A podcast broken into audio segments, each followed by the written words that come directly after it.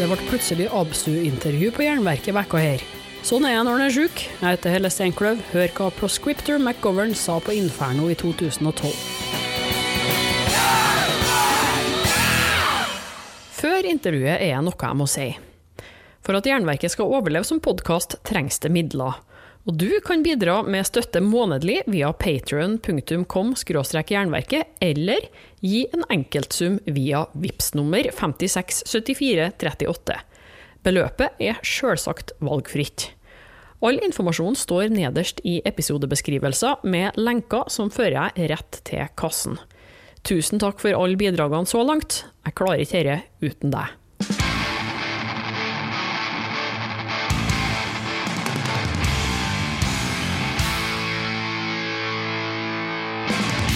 Yeah, I'm sitting here with uh, Proscriptor from uh, Absu. Hello. Hello, how are you? Yeah, I'm very fine. What about you? Very good, thank you. You came to Oslo uh, yesterday? Yes, that's correct. Uh, we wanted to come in a uh, day previously to get settled in and to uh, catch up with old camaraderie before our performance for the first time in uh, Oslo, being the Inferno Festival. So we're here. Yeah, so this is your first time here? Yeah, second time in Norway, first time for the Inferno Festival and Oslo together. So should be a prosperous experience and looking forward to tonight's event. Absolutely. Uh, uh, Absu has kept it going since, what was it, 1990? Uh, 91 to 90. be exact, under the Absu banner. Yeah, because you had different names before that. Uh, what made you choose the Absu name? Uh, technically, I am not an original member. Before the Absu name was uh, uh, initially chosen in 1991, I was in previous bands with the founding members Shaftiel and Equitant before uh, Absu was the chosen name in 1991. Um, Equitant was actually the one that originated the name, which comes from uh, Sumerian, Mesopotamian, and Assyrian mythology for abyss or prime immobile of the underworld, and um, before the, the debut album Barathrum Vitriol was recorded, uh, I had joined the band. So I've been in Absu since the uh, the recording of the first album, but was not. I did not participate on the first demo and seven inch. But you have been in the band ever since, and yes. you're the only one that still. I'm left. the only original member remaining, if you want to call me original. But I classify myself as original since I have been on the first album. Of course, and you've also made all the other albums. Correct. After, yeah. Uh, what uh, genres, musicians, and bands inspire you in your, um, not in only in musical writing, but also in personal life? Uh, I'm an immense fan and follower of um, 70s progressive music, mid to late 60s psychedelia um, a lot of early to mid 80s classic traditional heavy metal and hard rock. I'm also heavily into jazz and jazz fusion. Being a drummer, it gives me great inspiration to take those percussive traits and implement them into the music of Absu. And um, also, you know, extreme music as well, and also 80s thrash. So I have a very diversified taste in music, and I think it reflects on how I project my singing and drumming style in Absu. But you also have a special kind of interest in uh, ancient cultures. Correct. Because you uh, you're into both uh, Sumerian and Celtic uh, cultures. Oh, why why do these um, um, what, what's it called ancient cultures inspire you so much? Why are you um, into just I, just these. Uh, right. Uh, I think it all began at the age of 12 when I started to experiment with hallucinogenic drugs. It, it started to open the portals of my mind and expand my mind into wanting to learn and study and indulge. Um, mythologies and history and occult sciences, uh, basically things that do not exist in today's materialistic society. And um, after indulging in that, I felt like it was very, uh, it became a, a, an important interest to explore those kind of archaic histories, mythology, occult science, and whatnot. So I think it, it, started at a very young age for me, and it's progressed up until this very day. So I think that's how it all originated. because you're very serious about this because uh, all your albums they belong to series is that Correct. correct yeah the two first are based on the sumerian um, the three next ones upon the celtic Yes. and uh, the next part seems to be based on is it the magic and occult Yes, but it, it's also uh, tied and associated back to Sumerian and Mesopotamian mythology as well. Um, even though the last album, this second album, and the next album, which is a part of a trilogy with the album names being so closely associated with one another ABSU, ABZU, and APSU, even though they're not conceptual albums, however, the songs are tied in and associated with what Absu is all about, being the prime and mobile and the uh, the abyss and the uh, that region of the the underworld, a chasm more or less. So. Um, Yes, it was started with Sumerian, moved over into Celtic and ancestral territories, and then and now it's gone back into more um, metaphysical, occult studies and Mesopotamian Sumerian references as well. but do you plan this uh, years ahead or uh, does it just happen Uh, it, there was a lot of planning. Um, when we composed and arranged uh, our only conceptual album, Terra, that was released in 2001, um, I was I had basically exhausted the the the topic and the theme of Celtic history and mythology, and it was my plan to revert back into uh, more ancient studies of Samaria and Mesopotamia. So I always uh, forecast my plans and and uh, construct them before they're actually perceived and conceived as well. But I heard that uh, mytholo- uh, mythological occult metal collection that was based uh, on a suggestion from a fan. So you don't plan everything. That that is correct. Um, in January of 2003, Absu officially went on hiatus, and uh, the other two original members of the band, Shaftiel and Equitant, decided to take a, a recess from the band. So I started to pursue session work with other bands, started a label, was working on various other projects, just trying to get my feet wet into other forms uh, and regions of music, and a. Um, a, a- a fellow friend by the name of Peter Tucker that resides in the United States had contacted me and said it would be a good idea to compile an, an anthology of all the Absu material that does not exist on the regular studio recordings. So that particular compilation consists of live material, seven inches, demos, uh, tracks that were featured on tribute albums and unreleased material as well. So I think it was a good idea, and it inspired me to put out a release to hold the fans over to, you know, bring the back the band back into full swing. So, and actually. That particular guy, Peter Tucker, he's also uh, the official webmaster for Absu now. So he's a, he's almost like a, a secret member of the band. Not just a fan. Yeah, No. yeah. He's turned into more than that. But uh, I know that your uh, the Terra album uh, it, it's considered one of your uh, masterpieces, and it uh, uh, there was uh, seven or eight years before you gave out the next album. How um, how am I supposed to say this? How do you make an approach to make a new and even better album after such a compliment? And uh, when there's been so many years between the albums, the expectations will be higher for both you and the people listening. Um, Terra was released in May of 2001, and to be honest with you, the band started to fall downhill quickly um, as far as the personnel and the lineup. And, and like I previously stated, Absu officially went on hiatus. We did not break up, but we took a pause in January of 2003.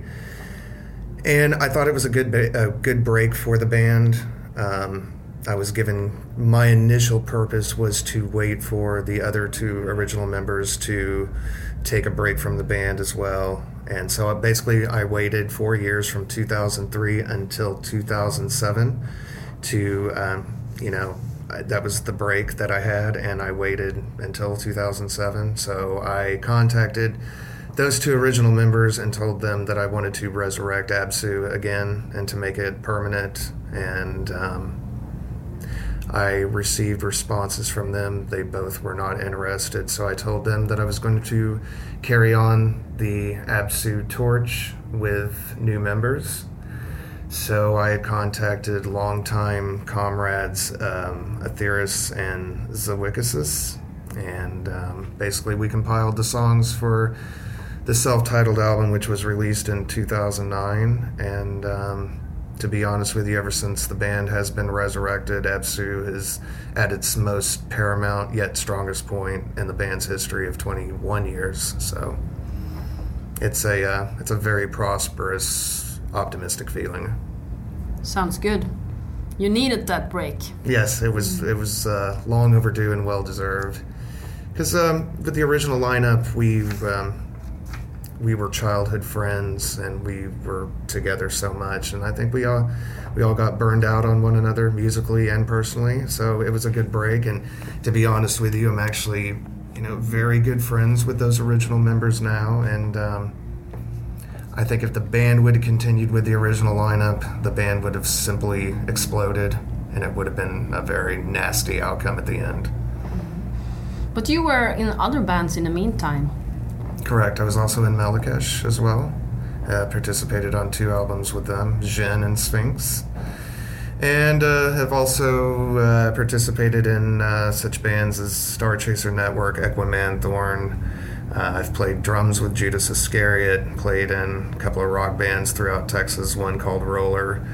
Um, have my own solo project called Proscriptor, and uh, a few other session acts as well. So I've been occupied with other bands besides Absu, but the reason why I was with I played with other bands is because Absu didn't keep me occupied enough, didn't keep me busy enough because I think it's very important for a musician to concentrate on one band because I think you're going to be remembered being the musician in one band than being scattered in all these different bands and side projects. I think that a musician loses their focal point with being in other project bands, and it's always been my intention just to be proscriptor of Absu and not some session drummer that plays with numerous bands. But that's the reason why is because Absu was not keeping me as occupied as I wanted it to be back in the day.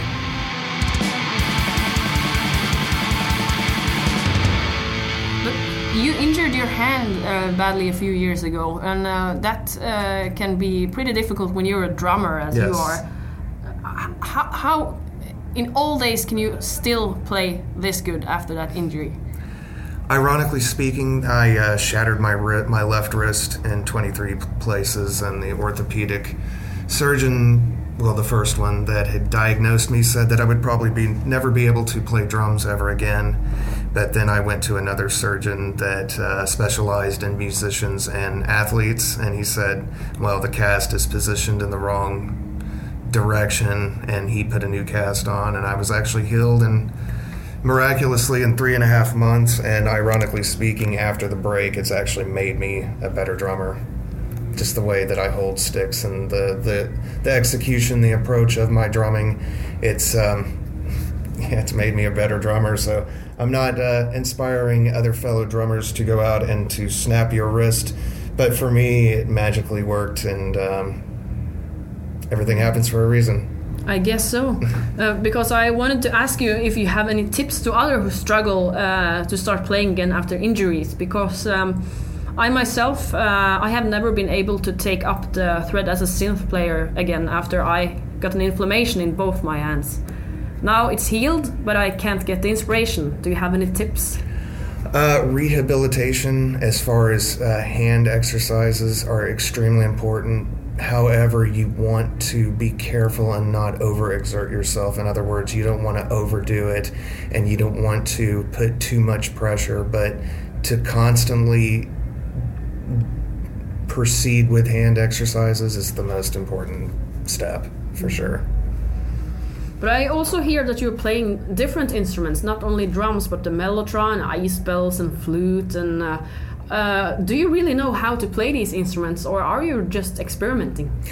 Uh, no, I, I actually do. I um, as a drummer behind the trap kit, I'm self-taught, but I was also uh, in a school band for six years. And when I started percussion, I started out on a, a xylophone bell kit, which is the same structure as piano. So, in order to play xylophone, you have to learn how to read piano.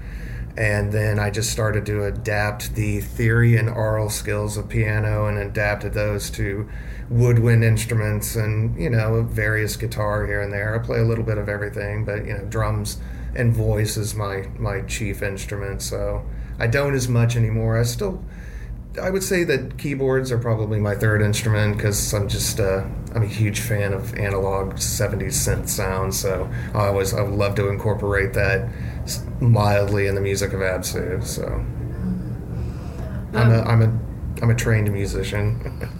You've been gone schooling. Yes, yes. Yeah. That's no shame. Yeah.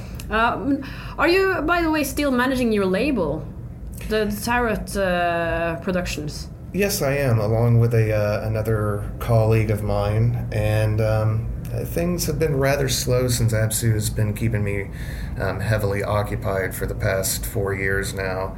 Um, it's still going. It's not moving as strong as I'd want to, but uh, the latest release that we had come out about a year ago is from a great Dutch band called Tyrant's Empire, which is a uh, like a combination between black metal thrash and a bit of uh, rock altogether. Um, for fans of Very Old Impaled Nazarene, I think you'll really like this band quite a bit. Um, very good, and they're also uh, working on new material for an upcoming album, which will be featured on Tarot Productions as well. So, uh, those are the only uh, uh, releases that's keeping us busy right now. But like I said, labels moving kind of slow just due to the, the busy activities of Absu. So, what will your next album be like? Which kind of uh, style are you uh, adapting? For Absu? Yeah, for Absu. Uh, we are taking an approach that we've uh, never taken before. My main objective with Absu is within the discography, I want each release to have a different sound, and um, not necessarily a different style, but a different production, a different approach, a different execution of the way the songs are composed and arranged. Uh, one thing that I can tell you about this next album it will feature around 15 to 16 songs, which is the most, which is the biggest track listing of any Absu album within the discography. So what we're doing is we're concentrating on shorter songs, but more songs at the same time. I also heard that you contributed with a song on an Iron Maiden tribute once. Yes, that's correct. Uh, how was this, and how do you feel about uh, doing cover songs? Uh, it was pretty trendy back in the 90s. I mean, there were just tons and heaps of tribute albums that were being unleashed during that period. And if a label approached us and was going to cover the recording budget for the, the song, we were more than happy to do it, depending on who the band was. Uh, of course, being uh, Iron Maiden admirers, uh, we said yes, but we wanted to choose a song that was an instrumental because I think it would have um, it would have corroded the song if if I were to, for example, sing a uh, a song by that was done by Dickinson or Di'Anno, but with extreme metal vocals. I think it would have tarnished it. So we chose the instrumental Transylvania taken from the debut album, and uh, felt that that we we were in the safety zone by covering an instrumental rather than a song sung by Dickinson or Di'Anno. So that's why we chose an instrumental. I think it it put us in a safety region. Can you sing with a clear vo- vocal? I can. You can, Yes. but you chose not to. I chose not to. Actually, I'm a better singer now than I was then because I was actually taking proper singing lessons during that time, and uh, it just wouldn't have been appropriate. I think now it would have. I have a much better singing voice, but uh, then no, We're not seeing this song live this tonight. no, no, not at all. Well, um, I don't know if you have anything to add yourself, but I uh, only have one last question uh, Okay. before we um, we quit. So Okay. If you have anything, say it now. Uh, thank you for this interview, and it's always a uh, pleasure to um, to execute audio interviews like this. And um, thanks to all the followers of Absu and Mythological Occult Metal, and see you this year and other years to come. Thank you. The last one is uh, a kind of a jingle question because the, the radio show wants uh, the artists to, to share their greatest rock memories uh, with the listeners. So, um, for example, you can mention uh, the first record you bought, the, the time you met one of your biggest heroes in rock or metal, or maybe a memory with your own bands. And it has this form like hi this is proscriptor from absu and my greatest rock memory is and just one sentence you understand Yeah, yeah, yeah. yeah. Yeah? I, I have. Um, it's difficult to just it keep is- it one sentence I have several actually, so I want to pick the. I want to pick the best one. Let me brainstorm on this Okay. one quickly.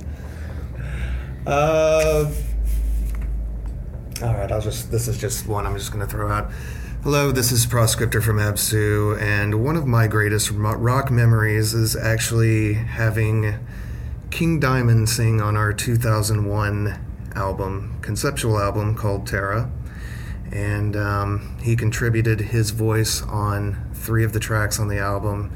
And uh, it was quite an honor because he's a an, huge influence on myself. But um, I was actually his conductor. I was able to tell him what to do and how to approach and execute his his voice on the album, and we've been good friends ever since. So uh, I have many great moments and many many great rock memories, but that's just one in particular that's off the top of my head. So there you go. Du har hørt et intervju med Absu fra 2012. Likte du det, kan du f.eks. høre episoden med Necros Christos. Og siden smittesituasjonen går galt i veien, blir det nok mer arkivmateriale neste uke. Hva med svenske Gehenna f.eks.? Ja, dålig lukt er jo noe som har... Fått stryka på foten genom åren kan jeg si. Fy faen, så många dagar det har varit oduschat. Om det gikk å høre lukt så skulle du forsøke å få ut det i etern. Det blir en jævlig bra låt. Om ikke du gjør det allerede, så er det på tide å abonnere på Jernverket, enten via podkastapp eller jernverket.kom. Du må òg gjerne spre ordet og legge igjen ei god anmeldelse. Og hvis du vil bidra med litt eh, penger for at jeg skal kunne fortsette, kan du gi fast støtte via Patrion eller et engangsbeløp via VIPS. Informasjon ligger i episodebeskrivelser. Husk på å følge Jernverket på Instagram og Facebook òg. Der er det konkurranser, diskusjoner og musikalske tips innimellom. Helle Steinkløv, det er meg, kjører på med et nytt eller gammelt hardrockintervju hver fredag. Vi høres!